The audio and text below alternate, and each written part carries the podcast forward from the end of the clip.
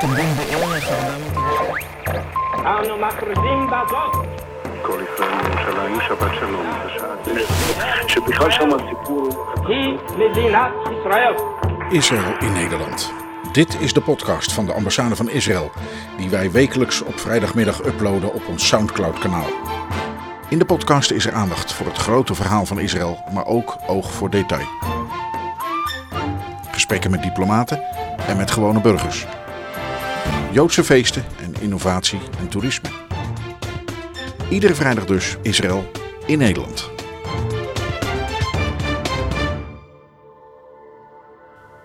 Van harte welkom bij een nieuwe aflevering van Israël in Nederland, de podcast van de Israëlische ambassade in Den Haag. De stem van de Joodse staat in Nederland. Mijn naam is André Diepenbroek en ik ben uw gastheer. Het waren twee bijzondere weken toen protestantse en gereformeerde kerken schuld beleden over hun collectieve rol tijdens de Holocaust. Allereerst deed de protestantse kerk in Nederland dit bij monden van secretaris Dr. René de Reuver. En niet zomaar in een achterkamer, maar op een nationaal podium tijdens de Kristalnachtherdenking in Amsterdam.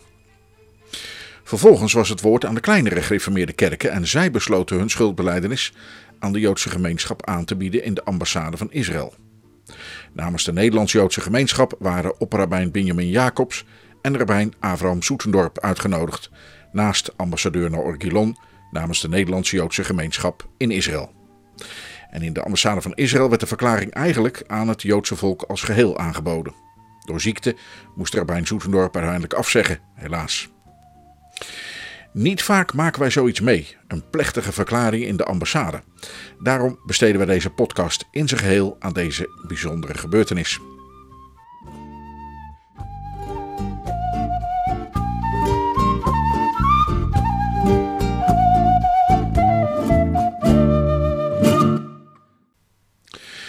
Waarom twee verklaringen van schuld? Daarvoor moet ik u even een bliksemcursus kerkgeschiedenis geven. U weet, in de middeleeuwen had je in ons werelddeel de Rooms-Katholieke Kerk. In die dagen was die kerk een machtsinstituut geworden met veel pracht en praal en veel problemen, speelde de kerk parten: corruptie, geweld en machtsmisbruik. Veel mensen begonnen zich af te vragen of de kerkelijke gang van zaken nog wel iets met de Bijbel te maken had. In de 16e en 17e eeuw kwam er een protestbeweging op gang die een terugkeer beoogde naar eenvoudig op de Bijbel gebaseerd geloof. De Reformatie wilde de kerk hervormen, wat helaas niet lukte. De beweging van de Duitse hervormer Maarten Luther en de Fransman Johannes Calvijn, om er twee namen te noemen, liep uiteindelijk uit op de vorming van Lutherse en gereformeerde kerken, overal in Europa. In de Nederlanden werd vooral de Calvinistische stroming belangrijk en zo ontstond de Nederlandse gereformeerde kerk. Door de succesvolle vrijheidsstrijd tegen het Spaanse Rijk werd dit de staatskerk van de nieuwe Nederlandse Republiek. De tijd verstrijkt en zo'n 200 jaar later, na de Franse overheersing, ontstaat een nieuwe reformatiebeweging. Dit keer in die staatskerk die dan de Nederlands hervormde kerk heet. Onder invloed van de verlichting is die kerk een instituut geworden wat deugdzaamheid en religie preekt, maar waar naar het gevoel van velen is het vooral een staatsinstelling geworden waar het geloof niet wordt beleefd. Zo ontstaan in ons land de afgescheiden gereformeerde kerken. Echter, een deel van deze meer orthodox gereformeerden blijft trouw aan de hervormde kerk en blijft daar dus ook lid. Weer verstrijkt de tijd. En in 2004, in weer een hele andere tijd, na veel kerkverlating en secularisatie, besluiten de hervormde kerk, de gereformeerde kerk en de Lutherse kerk te fuseren in de protestantse kerk in Nederland. Dit is de kerk die schuld beleed op 8 november, tijdens de Kristalnachtherdenking. Naast deze PKN bestaan er echter nog steeds zes gereformeerde kerkverbanden, waarvan vertegenwoordigers hun verklaring van schuld aanboden in de ambassade. Ik noemde u al de gereformeerden die altijd in de hervormde kerk zijn gebleven. Wel, die zitten nu nog steeds in de PKN. Maar hun vertegenwoordigers werkten wel mee aan de schuldverklaring van de gereformeerde kerken en zij waren ook vertegenwoordigd in de ambassade op 15 november. Zo kwam het dat op de middag van die 15 november een delegatie van predikanten aan tafel belandde bij ambassadeur Guillon. Eerst was het woord aan dominee Pieter de Boer namens de Christelijke Gereformeerde Kerken in Nederland. Hij is woordvoerder van de interkerkelijke commissie die de schuldverklaring opstelde. De laatste weken denk ik vaak terug aan mijn jeugdjaren. Aan Harderwijk, de plaats waar ik ben opgegroeid. En aan een van mijn grootmoeders. Oma was voor ons een lieve tweede moeder. Over en weer logeerden we regelmatig bij elkaar, zij bij ons of wij bij haar. Wanneer ze het weekend bij ons overbleef, ging ze samen met ons naar de zaterdagmarkt. Grote ouderwetse gezellige markt verdeeld over twee pleinen in de historische binnenstad van Harderwijk. Het was er altijd gezellig druk. Schreeuwende marktkoopmannen, mensen met afgeladen boodschappentassen, heerlijke geuren, snoepende kinderen en in de zomer veel toeristen. Vooral veel, heel veel Duitsers. Duitsers verdroeg mijn oma niet. Zo merkten we als kinderen al snel. Volgens oma waren ze nog net zo brutaal als in de oorlog. Schreeuwden ze nog steeds even hard en moesten ze in hun eigen land blijven. Wat hadden ze hier eigenlijk te zoeken? Zo riep ze. In de oorlog hebben ze alles geroofd. Waar halen ze het lef vandaan om hier hun vakantie te vieren? Onze lieve oma was boos. Zo kenden we haar niet. Pas later hoorden we over de oorlogsjaren, die ze had doorgebracht in Amsterdam. Als kind groeide ze voor de oorlog op aan de rand van een Joodse wijk. Als puber maakte ze in die buurt de oorlog mee. In de oorlogswinter van 1944 at ze om haar honger te stillen aardappelschillen, wortelloof en tulpenbollen. En zag ze mensen aan de ontberingen sterven. Ze had op het dak gezeten om de voedselpakketten op te vangen die bommenwerpers op de stad dropten. Kort voor de bevrijding. Ze miste haar Joodse vriendinnen, buren en bekenden die nooit meer terugkwamen. Jaren later hoorde ze in haar dromen nog het geschreeuw van Duitse soldaten en van Nederlandse politieagenten. Het smeken van ouders, het gehuil van kinderen, het gegil van mensen die geslagen, geschopt en in het trappenhuis naar beneden werden gegooid. Ze leed om haar Duitse achternaam, waarmee ze in en na de oorlog door andere Nederlanders geconfronteerd werd. Die nare momenten stopten toen ze trouwde met mijn opa en vanaf haar trouwdag een Hollandse achternaam droeg. Mijn grootvader zat bij het Gooise verzet. Wat hij heeft uitgevoerd weten we niet. Zelfs mijn oma kon weinig vertellen. Opa zweeg over de oorlogsjaren en stierf op betrekkelijk jonge leeftijd. Ik heb mijn opa niet gekend. Wel vertelde mijn oma een keer dat opa tijdens de bevrijding van Naarden in woede ontstak. Toen schijnbaar bijna heel Naarden in het verzet had gezeten. In de oorlog had hij daarvan weinig tot niets gemerkt. Mijn opa en oma, twee mensen die als veel anderen van hun leeftijd tijd genoten voor de rest van hun leven door de oorlog gevangen bleven. Zoals Hartje Zomer op de zaterdagmarkt in Harderwijk werd mijn oma geconfronteerd met de oorlog en kwam alles van toen weer boven. Harderwijk is een stad met een rijke historie. Een stad die eeuwenlang Joden heeft geherbergd. Zo staat er bijvoorbeeld de synagoge aan de Kleine Markt. Ligt er een Joodse begraafplaats aan de Veldkamp. Bestad, bezat de stad tot de Tweede Wereldoorlog zelfs een Joodse school. Tot de oorlog waren Joden zichtbaar aanwezig in deze vissersplaats aan de voormalige Zuiderzee. Verder was Harderwijk voor, tijdens en na de oorlog overwegend kerkelijk. De stad telde een grote hervormde gemeente die zich rekende tot de Griffemeerde Bond. Een grote Griffemeerde kerk, een christelijk Griffemeerde kerk van redelijke omvang, een vrije Griffemeerde gemeente waaruit later een oud Griffemeerde gemeente en een Griffemeerde gemeente in Nederland zijn ontstaan, en een Rooms-Katholieke gemeente. Hoe reageerden de lokale kerken, met name de predikanten, toen op de Jodenvervolging? Laten we luisteren naar een kerkelijke tegenwoordiger uit die periode. Hij heet Dominic Timmer en is van 1941 tot 1948 Nederlands hervormde predikant in Harderwijk. En vanaf 1928 tot 1957 secretaris van de Gereformeerde. Ik citeer. Ik herinner mij nog levendig hoe ik enkele jaren geleden door een Joodse vrouw werd verzocht om haar gezin een bezoek te brengen. Het was in die dagen toen in Harderwijk de Joodse families werden opgepakt, om naar Duitse concentratiekampen te worden weggevoerd. Ik zal het nooit vergeten dat de Joodse vrouw met tranen en angst in haar ogen mij vroeg Is het waar dat er in uw protestantse Bijbel staat geschreven dat onze mensen, de Joden, bij de ter dood veroordeling van Jezus door Pilatus zouden hebben uitgeroepen: Zijn bloed komen over ons en over onze kinderen? Toen heb ik het aan die Joodse mensen moeten zeggen. Dat inderdaad de Joden hun heiland niet strafloos hebben kunnen verwerpen. Jeruzalem is met de grond gelijk gemaakt. En het volk Israël is na de verwoesting van stad en tempel verstrooid tot aan de einde der aarde. In een van de legenden rondom de levensgeschiedenis is sprake van Ahasveros, die aan de Heer Jezus op de Via Dolorosa een glas water zou hebben geweigerd. Na de aanschouwing van de wonderen die bij het sterven van de heiland hebben plaatsgehad, zou hij nergens meer rust hebben kunnen vinden. De wandelende Jood zou nooit meer rust vinden, aldus dominee Timmer. We laten deze legende, zo gaat hij verder, voor wat ze is. Maar de geschiedenis van Israël gelijkt op die van de Jood Aalsveros uit de legende. Het volk vindt nergens rust op de ganse aardbodem.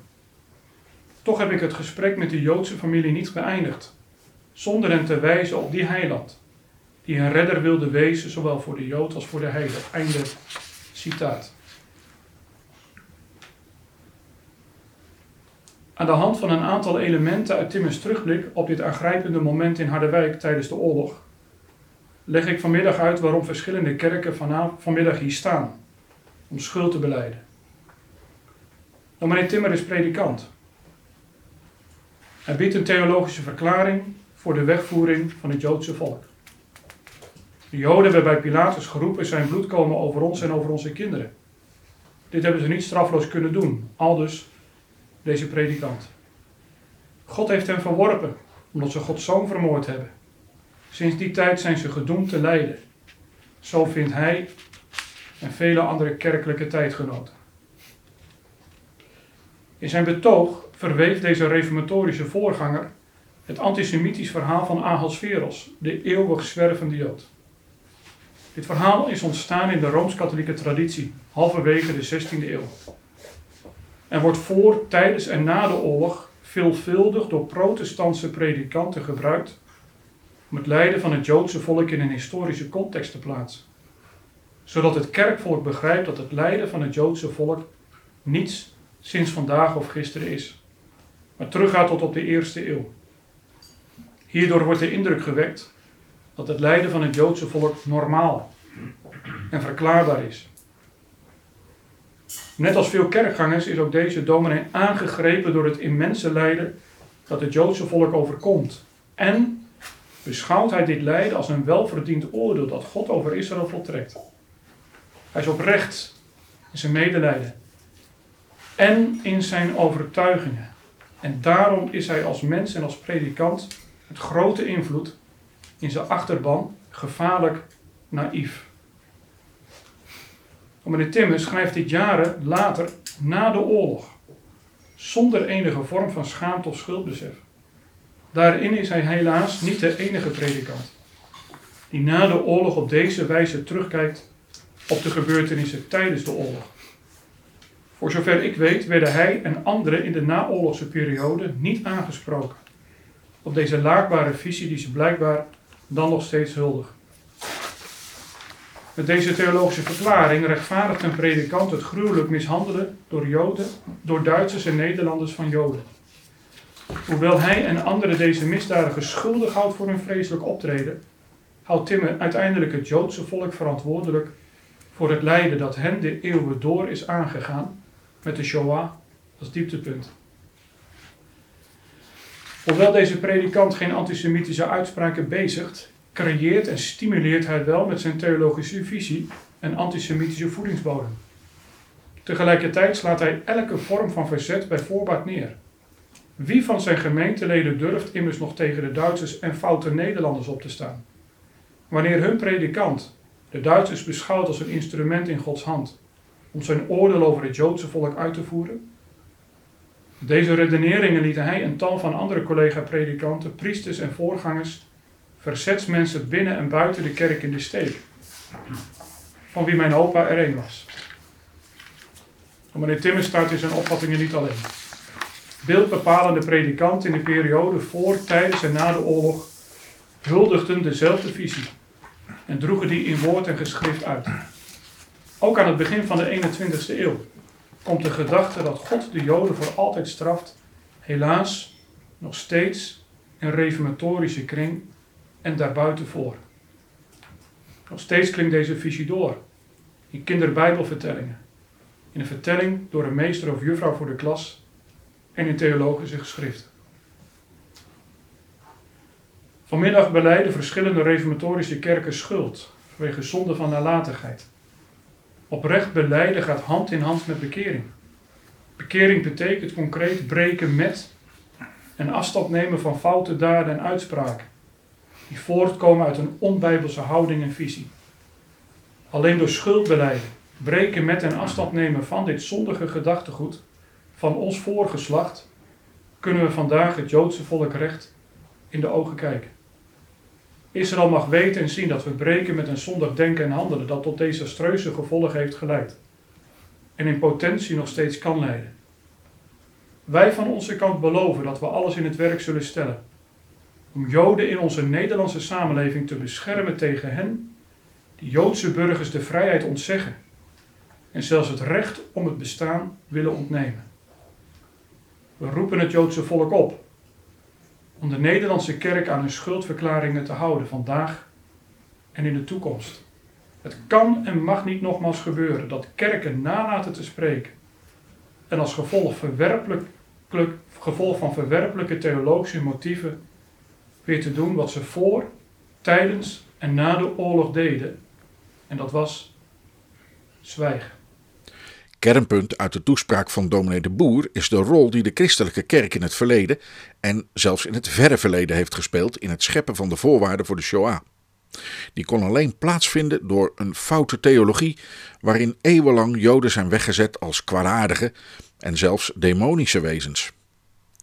Dr. Henk Schouten, lid van dezelfde kerk als dominee de Boer, las vervolgens de verklaring voor. Het idee om dit als gereformeerde kerken ook te doen, aanvullend op de schuldbeleidenis van de PKN, is van hem afkomstig. Beleidenis van schuld. Vanuit verbondenheid met de kerk van vroege tijden en vanuit de erkenning dat we al te lang onze stem niet hebben laten horen, beleiden wij beschaamd onze nalatigheid ten aanzien van de Joodse gemeenschap. En anderen aan wie door de kerken onrecht is aangedaan, zowel voor, tijdens als ook in de nasleep van de Tweede Wereldoorlog. Wij erkennen dat onze nalatigheid het volk betrof, waaraan een blijvende bijzondere positie is toevertrouwd in de geschiedenis van Gods heil. We zijn nalatig geweest toen het antisemitisme in het Europa van voor de oorlog toenam en wij onze stem daar niet tegen hebben verheven. We zijn nalatig geweest toen ten tijde van de bezetting in steeds ernstiger mate anti-Joodse maatregelen werden genomen. En we bleven zwijgen.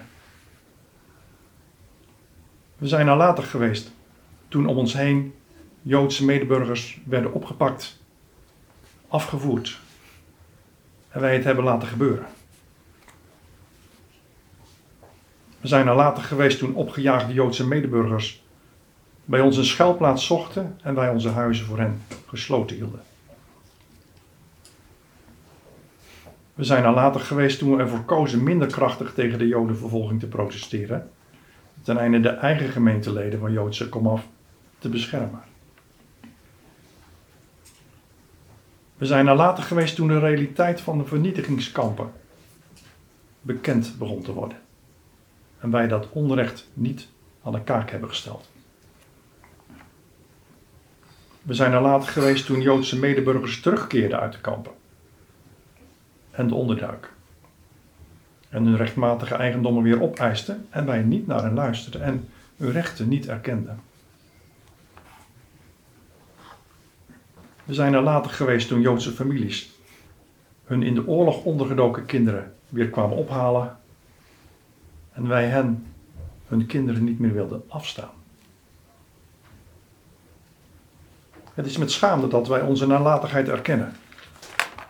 Tegelijk erkennen we met dankbaarheid de moed van hen uit ons midden die wel hun stem verhieven. en tegen het onrecht streden. We gedenken hen die de moed hadden Joodse medeburgers bescherming te bieden. En in die onderduik, zijn, onderduik hun Jood zijn te respecteren. Hun moed brengen wij respectvol in herinnering. We noemen met dankbaarheid hen die na de oorlog de Joodse kinderen in de onderduik weer toevertrouwden aan hun Joodse families. We erkennen dat velen die moed en dat respect niet opbrachten. Het beleiden van nalatigheid houdt het voornemen in dat wij, die niet anders en beter zijn dan de generatie die ons voorgingen, verplicht zijn lering te trekken uit wat wij nu als schuld benoemen. Het is ons gebed dat God onze tekortkomingen vergeeft, onze schuld verzoent, onze harten vernieuwt.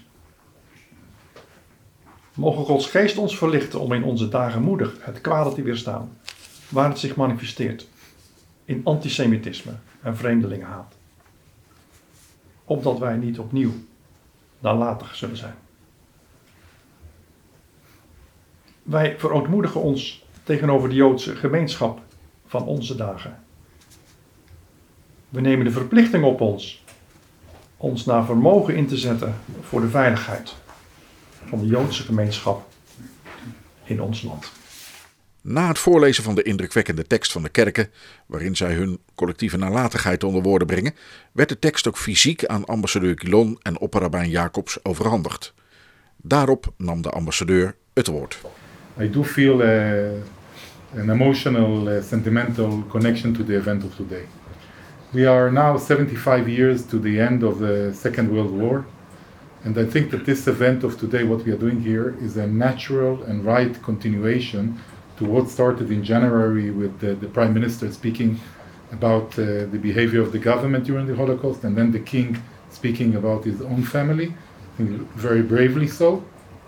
And I know that also for you, it's not easy to uh, deal with the past and especially to try and build coalition of different people with different views to agree on uh, how, how you see the past. So uh, very much appreciated, I think, the effort that you have done here. Uh, but with your permission, I would rather, instead of looking back, I would rather look at the future. And I think that today uh, has to be a beginning of a process. So we have started here something very important and a process that will have many, many things into it, I guess. Uh, well, maybe starting with uh, an end to depicting the Jews as a negative element, as was mentioned here. I, I served in Italy before being here as ambassador, and I I saw the Catholic Church started in 65. I was born in 64, so I didn't see the process from the beginning, but I saw the Nostra Aetate uh, process that went through and still going on since then. I hope our process will be shorter. Uh, I think we have to work together to promote cooperation and understanding between Protestant Church, but especially the Reformed Church, and the Jewish community in the Netherlands, the Jewish people as such, and of course with the Jewish state, which is based on a shared destiny and bond to the values coming from the Bible. In Judaism, we, we, we use this phrase arvut adadit, which is a mutual I would, responsibility, mutual guarantee, something that you know people are, uh, are Jews are supposed to be responsible for each other and take care of each other. And I, I hope that really in the future we will be able to use this phrase, which is very important to the relations between the Protestants and the Jewish people. I hope that together we can find, fight anti Semitism, and especially, or not especially, but also the new kind of anti Semitism, which is the uh, I, I, like to call it the politically correct alternative to anti Semitism, which is anti Zionism. You say your problem is with the Jewish state or with Israel, with the politics, rather than admitting that your real problem is with the Jewish people and, su- and such, and it still exists. Uh, I would really be happy if from you, from here, there will be also the message to other Protestant uh, churches in Europe to follow suit, to do the same. I think it's an important process that can do good to all of us. And I would uh, finish probably by saying that I cannot but mention those brave, brave Dutch people who stood up against the Nazis. So we are speaking on the bad side, but we also remember them. Since I was here, I was I already handed out dozens of Yad Vashem decoration to uh, you know the Yad Vashem gives the decoration to non-Jews, only non-Jews who saved Jews during the Holocaust and didn't get anything in return, not for money, but for for being a human being. So we have to remember, and I remember every day that there were those individuals. Naturally, uh, partly part of them were Protestants who risked their lives to save Jews, to save other people, and usually people they didn't know before. Thank you. Na de ambassadeur was het woord aan opperrabijn Jacobs. Hij wijst op het belang dat deze verklaring in de ambassade zou worden aangeboden.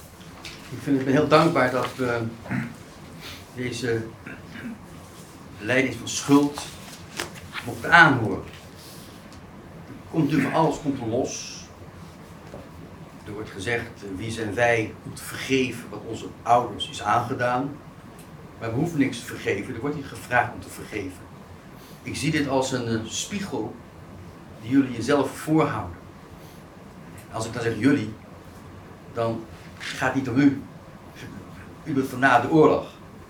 Maar het systeem, de kerk als instantie door de eeuwen heen.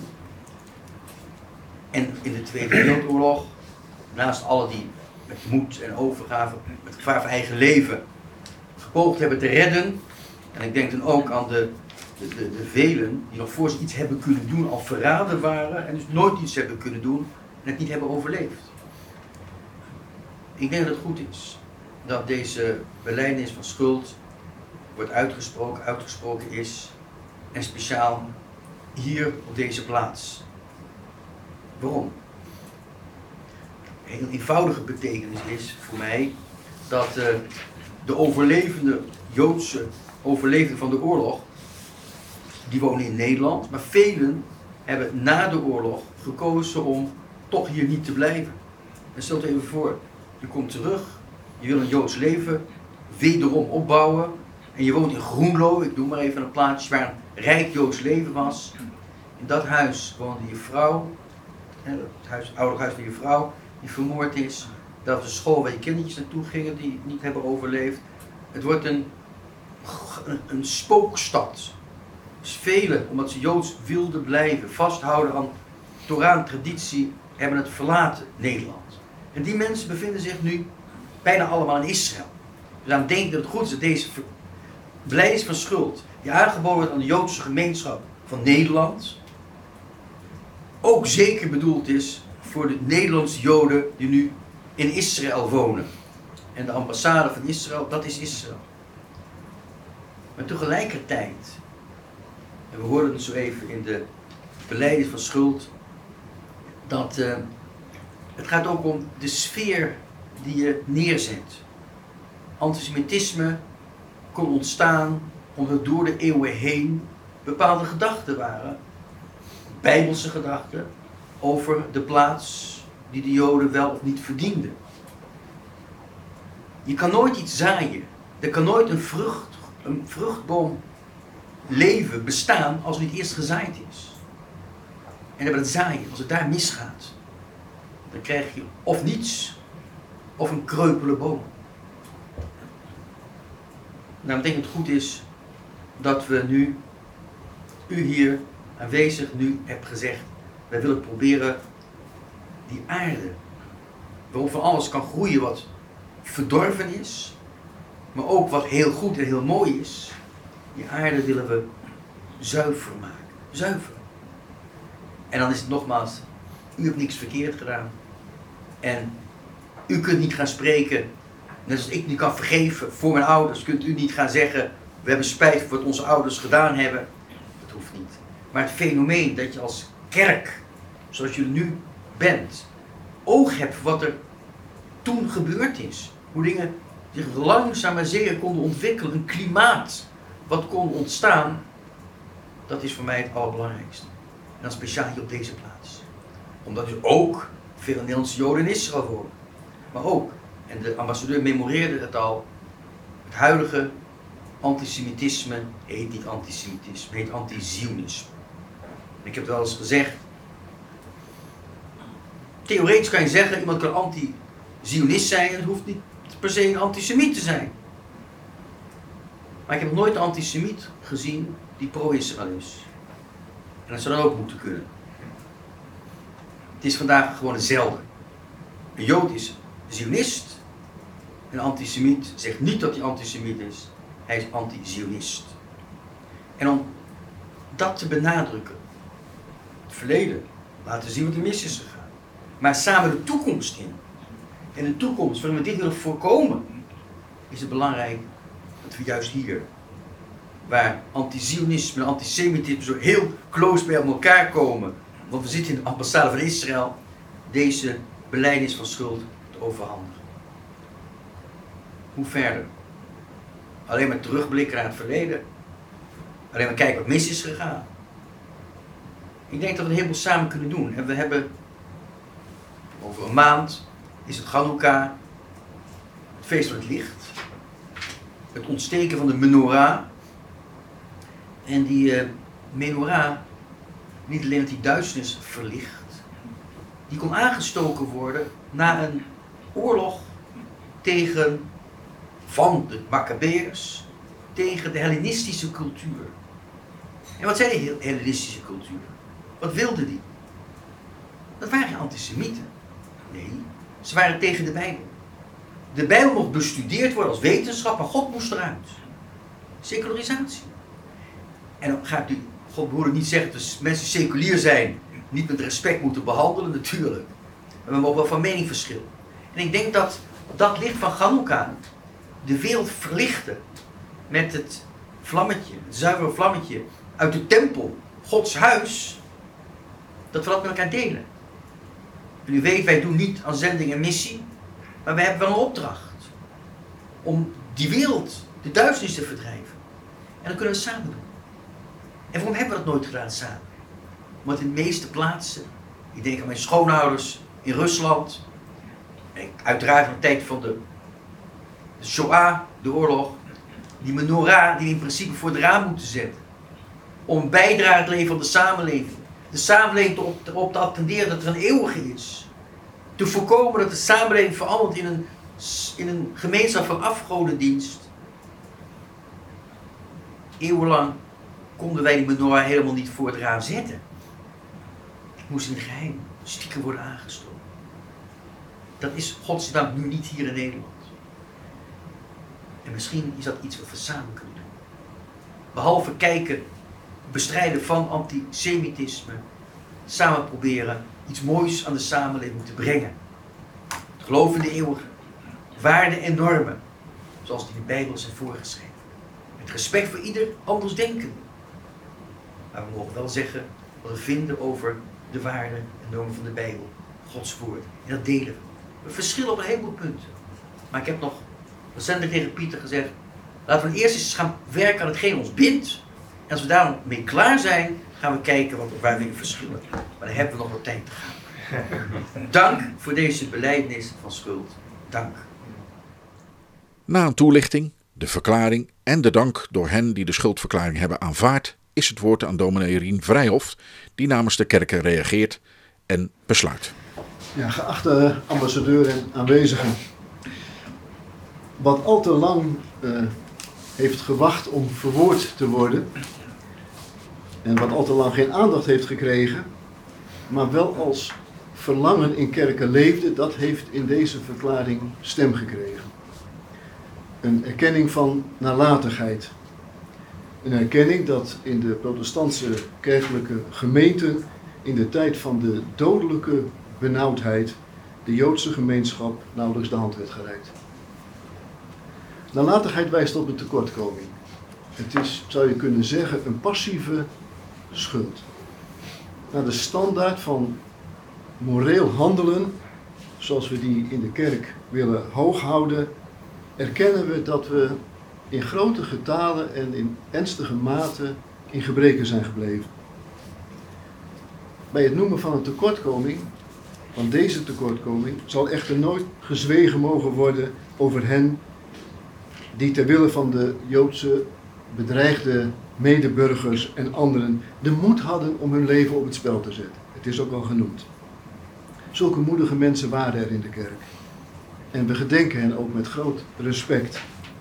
Sommige van hen hebben inderdaad in Yad Vashem, uh, het land Israël, een blijvende gedenkplaats gekregen. Maar erkennen we ook, het ontbrak bij velen aan moed. En wat wij nu hier verklaren, dat is, zou je kunnen zeggen, een woord van schaamte, dat uh, in schroom uh, is neergeschreven en in schroom is uitgesproken. Niet alleen vanwege de schrijnende inhoud van de verklaring, maar ook vanwege die afstand waar we het ook al soms over hebben tot die vroegere tijd. Vanwege het besef dat wij mensen van nu zijn. Mensen die nu leven in een ander tijdsgewricht. Terwijl wij spreken over mensen van toen. Mensen in die sfeer van intimidatie, terreur, verkeerde prediking. En toch spreken wij vandaag.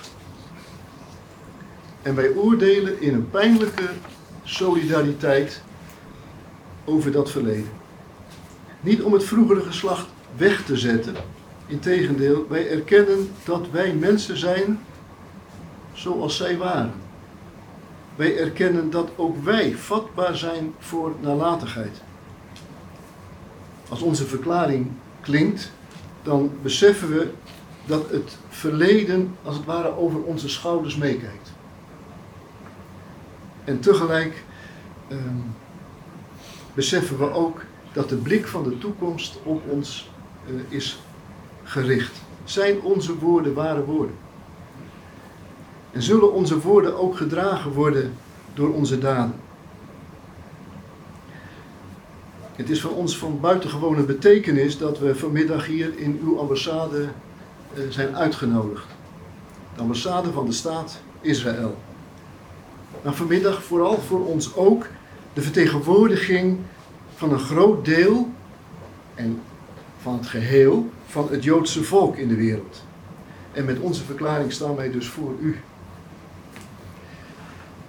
En nu staan wij voor het Joodse volk. Ik noem dit op dit moment ook met respect uh, de protestantse kerk in Nederland. Die contact zocht met de Joodse gemeenschap in ons land om in overleg met hen woorden te vinden die uitdrukking geven aan wat zij ziet als haar falen. Afgelopen zondag, 8 november, heeft de protestantse kerk bij de herdenking van de Kristalnacht de Joodse gemeenschap in de ogen gekeken. En dat ontroert me, dat stemt me dankbaar.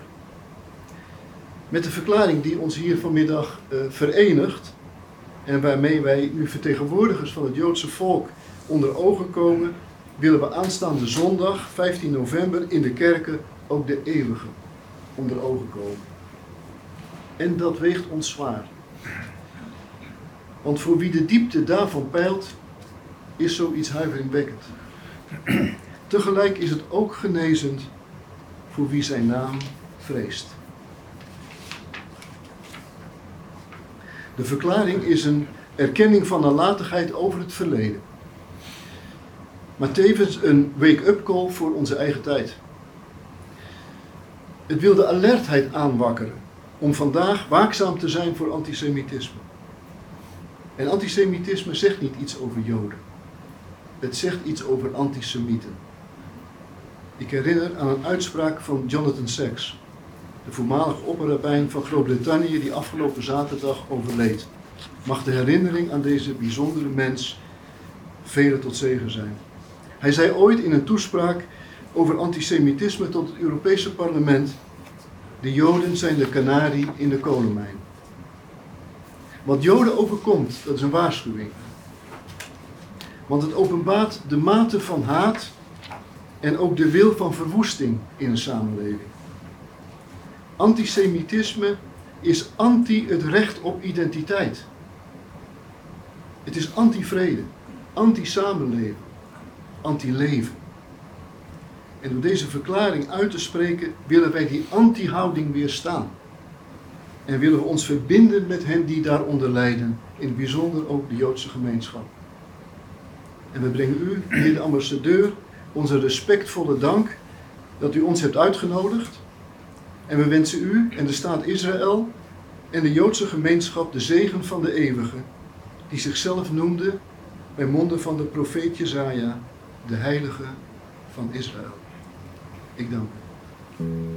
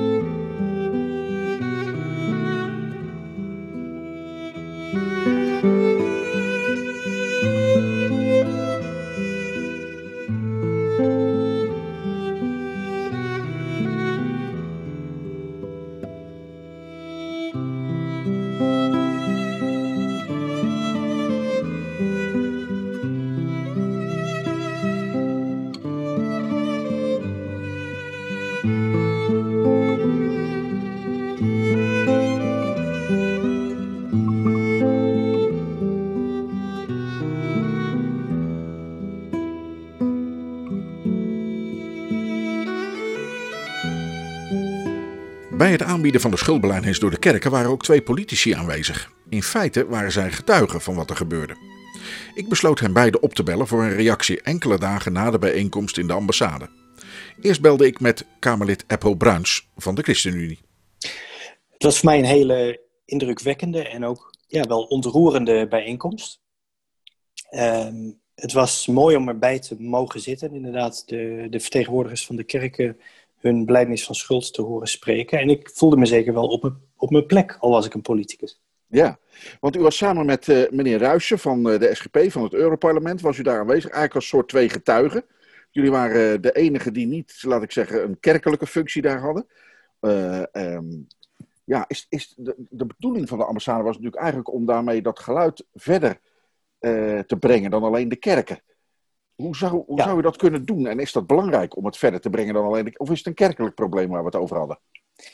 Het is natuurlijk een veel, veel breder probleem. En ik vind het juist wel mooi dat de politiek vertegenwoordigd was. Niet omdat de politiek zich zou moeten bemoeien met de kerken, maar omdat we ook in de politiek een, een dergelijk proces hebben doorgemaakt. We hebben uh, afgelopen januari hebben premier Rutte zijn excuses, excuses zien aanbieden namens uh, de overheid. Toen in het ja. Wertheimpark ter ere van uh, ter herdenking van, van de 75 jaar bevrijding Auschwitz.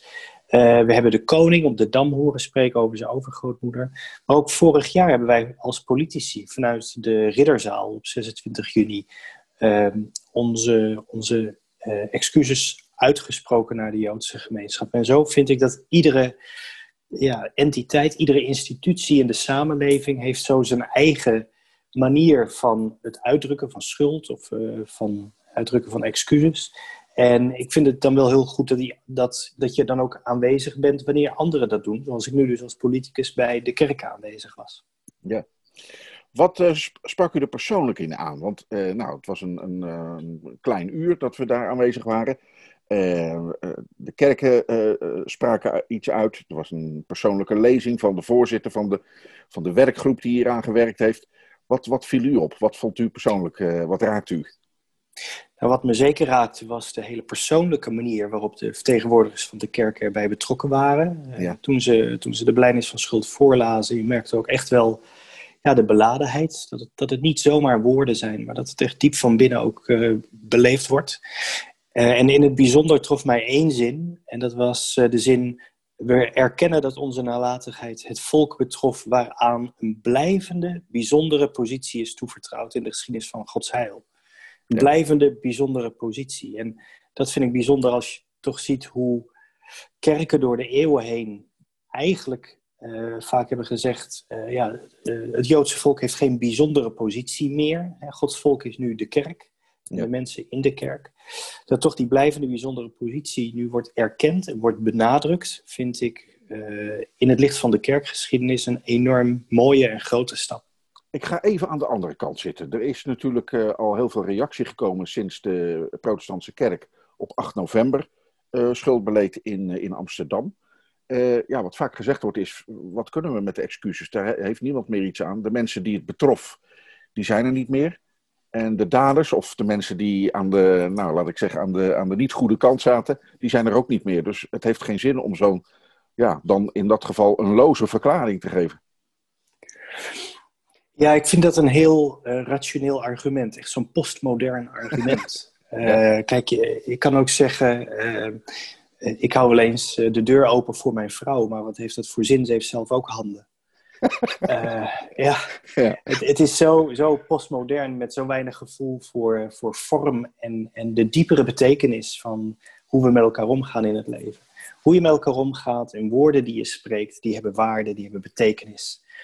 Ehm, en en eh, als politicus ben ik mij dat zeer bewust. Bijvoorbeeld dat de woorden die ik spreek in de Tweede Kamer, vanaf dat katheder, die hebben een betekenis, die doen wat met mensen. En daarom is het belangrijk de woorden die je kiest. Ik, ik, ik dien mij zorgvuldig uit te drukken. Eh, en dat, ehm, dat heeft een betekenis. En, en dat gaat dus veel verder dan eh, rationele, postmoderne ja, argumenten van... ach, ze zijn er niet meer en wat maakt het uit? Nee, hoe we met elkaar omgaan en de woorden die we spreken... eh, dat maakt wie je bent en dat tekent wie je bent als samenleving. Onderdeel van de beschaving, zegt u eigenlijk. Ja, ten diepste, ten diepste. Ehm, nog even een ander aspect wat ook, waar ook aan gerefereerd werd, zowel op 8 november als ook afgelopen donderdag 12 november. Ja, de mensen die wel hun nek hebben uitgestoken. Eh, de mensen die wel in het verzet staan. Dat was natuurlijk ook heel bijzonder, want de voorzitter van de werkgroep, dominee eh, De Boer, die was zelf kleinzoon van eh, verzetsmensen. Ehm, kan het niet toch het gevaar zijn dat die mensen zich toch een beetje miskend voelen? Dat toch niet eigenlijk misschien best wel een groot deel van, laat ik zeggen, het kerkvolk en misschien ook wel de predikanten eh, betrokken was bij het verzet en dat die zich nu eigenlijk ja, aan de zijlijn voelen staan. Ja, dat gevaar is er. Eh, en, en dat mag ook nooit gebeuren dat het erop lijkt alsof alles maar fout was en we, en we ja, schuld beleiden over, over alles en iedereen. Er waren ook eh, verzetshelden en geloofshelden. Eh, en die moet je eren en die moet je noemen. En tegelijkertijd moet je ook erkennen dat de werkelijkheid altijd complex is. En dat je nooit kunt zeggen, die was goed of die, is, die was fout. eh, als een soort zwart-wit. Wij, wij, wij oordelen niet wie er over welk pad loopt. Ehm, eh, maar je moet altijd beide kanten benadrukken. Ehm, maar als institutie, als kerk, kan je wel degelijk schuld beleiden voor de zaken die fout zijn gegaan. En, en het, het bijzondere van de schuldbeleidenis van afgelopen donderdag was dat het wel twintig keer ging over we zijn nalatig geweest, we zijn nalatig geweest, we zijn nalatig geweest. Het gaat niet altijd alleen maar over wat je gedaan hebt. Maar in, de, in, de, in het geval van de kerk gaat het vooral ook over wat er allemaal niet gedaan is, wat er niet gezegd is. Eh, en, en het is goed dat dat benadrukt wordt. Maar er is natuurlijk ook een heleboel wel gedaan. En die helden moet je ook eren. En die zijn ook genoemd donderdagavond. En laten we inderdaad dat evenwicht altijd bewaren in onze woorden. Ja, eigenlijk dat je, als je terugkijkt eh, naar die oorlogsjaren van, vanuit eh, nu, vanuit onze positie nu, dat het er allebei was. Het bestond naast elkaar. Die nalatigheid en het actieve verzet. Ja, het was er altijd. En laten we ook nooit denken van, oh, ik had dat anders gedaan als ik in die tijd had geleefd. Als het nu weer gebeurt, we weten met z'n allen niet hoe we reageren en wie wij zijn en aan welke kant van de lijn we zullen staan. En of die lijn überhaupt wel eh, eh, met een liniaal te trekken is. Eh, De werkelijkheid is altijd complex en de samenleving is niet maakbaar. Het is gewoon een hele ingewikkelde situatie en dat moeten we ook altijd blijven erkennen. Ja, ja. Nou, laat ik u even vrij uitdenken. Hoe, hoe nu verder? Wat, moet, moet er nog meer gebeuren of is het nu klaar? Wat, wat, wat u betreft. Hmm. Nou, is ja, mooie, mooie en bijzondere vraag. We hebben nu uh, de politiek gehad, we hebben de overheid gehad, we hebben het Koningshuis gehad, we hebben de kerken gehad. Um, je zou kunnen denken, nou, we zijn klaar, het is wel gebeurd. Ja. In zekere zin voel ik wel dat dit een heel bijzonder jaar is geweest. Ja. Een, een keerpunt waarin we inderdaad meerdere van deze situaties hebben gehad. Ehm, maar de, eh, ik denk dat en hoop dat dit een, een start is van een vriendschap tussen de kerk en de Joodse gemeenschap. En zoals op Rabijn Jacobs donderdagavond zei, ehm, eh, kijk, we zijn, we zijn allebei geroepen om ons licht te laten schijnen. En laten we alsjeblieft hand in hand, schouder aan schouder staan, want we dienen dezelfde God. We dienen de God van Israël, de God van Abraham, Isaac en Jacob. En wij zijn geroepen om het licht te laten schijnen en zijn woord te laten horen. En, en als je dan terugkijkt naar twintig eeuwen jodenvervolging en, en ehm, eh, een kloof tussen de westerse kerk en eh, het jodendom, dan moet het toch mogelijk zijn om vanaf hier een nieuwe start te maken en te zeggen, wij dienen diezelfde God en wij, wij gaan hand in hand staan om ons licht te laten schijnen. Laten we het goede doen in deze wereld. En ik hoop dat dit jaar met deze bijzondere gebeurtenis een nieuw startpunt mag zijn van een nieuwe vriendschap. Waarbij we ja, dezelfde vruchten gaan dragen. Ik denk dat dat, daar hebben we twintig eeuwen op gewacht. En het zou prachtig zijn als dat zou kunnen. In afwachting van Messias die komt. En daar geloven we allebei in. En hoe die dan heet, eh, dat gaan we dan vanzelf wel zien. Maar hij zal komen. En daar, daar, met verlangen kijken we daar naar uit. En dat, dat kunnen we samen in vriendschap hand in hand doen. De heer Bruins was als getuige aanwezig namens de Tweede Kamer, de nationale politiek. Europarlementariër Bert-Jan Ruijsen van de SGP was ook aanwezig. Ik vroeg hem terug te blikken vanuit zijn Brusselse, Europese blik. Ik vond het indrukwekkend. Ik vond het heel bijzonder dat ik daar uh, bij aanwezig uh, kon zijn. Het was natuurlijk niet zomaar een verklaring hè, die werd afgegeven. Eentje van 13 in het dozijn. Het was een hele bijzondere verklaring. Uh, een verklaring van nalatigheid, van, van verootmoediging, van, van schuldbeleidenis. en ja. dat, na, dat 75 jaar na de bevrijding. ja, dat was een hele diepe verklaring, vond ik ook. en ja, heel bijzonder om dat mee te maken. En ik denk dat, dat zo'n verklaring een hele duidelijke functie heeft, ook nu nog. Hè. Uh, Wat is die functie wat u betreft? Nou, vooral ook omdat we, kijk, uh, het is heel belangrijk denk ik om als, als christelijke gemeenschap uh, pal te staan voor de Joodse gemeenschap. in Nederland, maar natuurlijk ook voor, ook voor, voor Israël. Ehm, ik denk dat we moeten, moeten laten zien dat we als christenen dat we ons nauw verbonden weten met, met, met Israël, hè, met, met Gods volk. Um, ja, als je dus als, als vrienden naast elkaar wil staan in deze wereld, hè, als Joodse gemeenschap en als christelijke gemeenschap, yeah. Ja, dan mag er ook niks tussen zitten. Hè, ook niet uit het verleden. Nee. Uh, en dan is het belangrijk om ook dingen die niet goed zijn gegaan in het verleden, uh, rondom de Tweede Wereldoorlog, um, in de Tweede, Wereld, Tweede Wereldoorlog, maar ook daarna, om dat, om dat ja, uit te spreken en naar elkaar, uh, uh, van, in dit geval vanuit de christenen, naar de Joodse gemeenschap toe uit te spreken. Ja, ja. nou, u was er samen met een, ja, een collega, niet helemaal precies een collega. Meneer Bruins van de ChristenUnie, dat was natuurlijk de landelijke politiek die daarbij aanwezig ook was. U bent Ja. Europarlementariër. Ehm, Ja. Is dit nou uniek wat in Nederland is gebeurd? Of zeg u nou, dat heb ik wel eens meer gehoord, dat dat eh, elders ook wel gebeurt in Europa?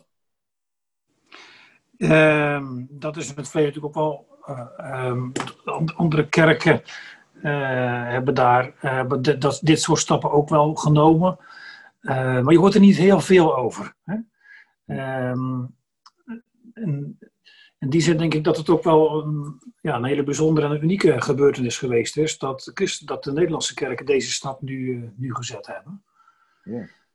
Ehm, kijk, je ziet wel dat. eh, hoe, gaan we, hoe kijken we tegen Israël aan? Eh, ook als christenen, dat het natuurlijk toch wel iets is wat, eh, wat wel breed in de kerken leeft. Je ziet wel dat, dat kerken er wel volop mee bezig zijn ook. En dat er ook steeds meer aandacht komt voor, eh, voor Israël. En dat er ook wel een stuk behoefte eh, gevoeld wordt, ook vanuit kerken, om die verbondenheid met Israël, om die ook ehm, tot uitdrukking te laten komen, te, te, te blijken. Als je kijkt naar de verschillende gebedsgroepen die er bestaan wereldwijd, dat vind ik wel heel bijzonder om te zien. Heeft u dan ook, merkt u er ook iets van die, van, ja, laat ik zeggen, die beweging in Europa in uw werk? Jazeker. Um, kijk, in het Europees Parlement hebben we het regelmatig over, uh, over Israël, hoe we als EU ons verhouden ten opzichte van, van Israël. Uh, daarbij zoeken we nadrukkelijk ook nou ja, contact, verbinding met, met, met andere parlementariërs, ook vanuit christelijke huizen. Ehm, er bestaat ook een internationaal netwerk overigens van, van christenpolitici. Okay. Die hebben zich verbonden in het Israel Elias Foundation. Uh, er zijn dus parlementariërs bij aangesloten uh, vanuit Amerika, Zuid-Amerika, maar ook vanuit Europa. Uh, die zich allemaal als verbonden weten met Israël en die elkaar ook regelmatig opzoeken. Hè. We hebben regelmatig conferenties, activiteiten. Okay. Dus, dus zo proberen we ook ja, de, de politieke discussie rondom Israël en de vele nou, onterechte kritiek die vaak wordt geuit over Israël, uh, proberen we dat toch gezamenlijk uh, nou ja, um, daar uh, op in te spelen en die discussie nadrukkelijk bij te sturen. Hè, en het eerlijke verhaal over Israël te vertellen. Ja, ja. de ambassadeur refereerde er nog aan in zijn toespraak. de nieuwe variant, volgens, volgens hem, van het antisemitisme. En dat is antizionisme. Het, het stelselmatig ja. en ja, vaak op een hele categorische manier afwijzen en bestrijden van alles wat met Israël te maken heeft. Komt u dat veel tegen ook in, in, de, bij, uh, in, in Brussel en Straatsburg, om het maar even zo te noemen? Ja, dat kom ik heel veel tegen. In die zin was het signaal wat de uh, ambassadeur afgaf heel herkenbaar. Um, je ziet veel nou ja, onge ongenuanceerde uh, kritiek op Israël. echt een duidelijke anti-houding, neem ik waar, bij heel veel politici. Um, vaak onvoldoende, uh, of niet goed gebaseerd hè, op, op, op de feiten. Uh, wij voortdurend de schuld voor nou, de, de, de conflict situatie die er is, hè, het conflict tussen uh, Israël en de Palestijnen, voortdurend de schuld bij Israël wordt, wordt neergelegd. Um, waarbij niet het goede, evenwichtige verhaal wordt neergezet van hoe de situatie nou echt in elkaar steekt. Hè. En er wordt denk ik, er is te weinig aandacht voor het feit dat, dat de situatie natuurlijk gewoon heel complex is. Ja. Van alle kanten. Ja. Je hoort natuurlijk vaak van nou ja, uh, felle betogen. Je, je hoort wel eens een enkele keer zo'n zo'n een filmpje of een quote die ergens in een, uh, in een journaal belandt of in social media. Van ja. Europarlementariërs die dan nou ja, categorisch Israël te lijf gaan. dat je denkt, ja, wat zit daarachter? Volgens de ambassadeur is dat kan dat antisemitisme zijn. Is dat, is dat waar, denkt u? Ik denk inderdaad dat antisemitisme en antisionisme dat dat heel dicht bij elkaar ligt. dat ja. is bijna niet aan elkaar te halen. Ja. Um, en ja, nou, antisemitisme, dat is dan natuurlijk uh, uh, dat is, uh, verboden, het terecht. Hè? Ja. Um, maar antisionisme, dat, dat laten we allemaal gebeuren en laten we allemaal toe. Het is inderdaad eigenlijk bijna een nieuwe vorm van, van antisemitisme, denk ik wel eens. Er zit ook een diepe haat achter, uh, heb ik de indruk. Ja. Een van de dingen die ook aan de orde kwam aan het eind was van ja, hoe nu verder? Hè? Want uh, nuttige en waardevolle verklaringen, hè, woorden, uh, is, is één ding. Maar dan, hoe ga je dat dan vormgeven? Wat is wat u betreft, hè, nou dat zal zeker ook iets, laat ik zeggen, theologisch betekenen voor de kerkleiding zelf. maar wat u betreft, wat, is, wat zou een speerpunt kunnen zijn? Uh, ik denk een speerpunt zou kunnen zijn om uh, aan alle kanten te laten zien dat we ons verbonden voelen met de staat Israël. En ik vind dat de kerken ook best misschien wat meer mogen uitdragen dat de trouw van God ook blijkt onder andere uit het feit dat er nu weer een nieuwe staat Israël gecreëerd is in, hè, in 1948. Ja. Um, en dat uh, ja, ook het huidige volk van Israël uh, Gods volk is. Hè? En dat is ook een element waarvan ik denk van dat is ook belangrijk om dat ook in de prediking hè, uh, tot uitdrukking te laten komen. Hè? Om zo ook aan een stuk bewustwording te werken, ook nou, in de samenleving en, en in de christelijke gemeente. Wie weet. Een Europese beweging van christenen die als een verdedigingsmuur rond de Joodse gemeenschappen in Europa en achter Israël staan. Dit brengt ons aan het einde van deze aflevering van Israël in Nederland. Meer over de beleidenis van schuld van de gereformeerde kerken kunt u vinden op ons YouTube-kanaal, waarop de bijeenkomst ook integraal is terug te zien. En op onze Facebookpagina hebben we een korte video gedeeld, een samenvatting, waarin ook historisch beeldmateriaal is verwerkt. Fijn dat u luisterde. Attendeert u anderen ook vooral ook op deze podcast die we ieder weekend plaatsen op ons Soundcloud-kanaal. En vergeet u niet volger te worden of u te abonneren, zo blijft u steeds op de hoogte van wat we doen. Dat kan via Spotify, Apple Podcast, Stitcher of gewoon via dit account soundcloud.com slash in Nederland. Voor wat ons betreft, dank voor het luisteren. Graag tot de volgende keer.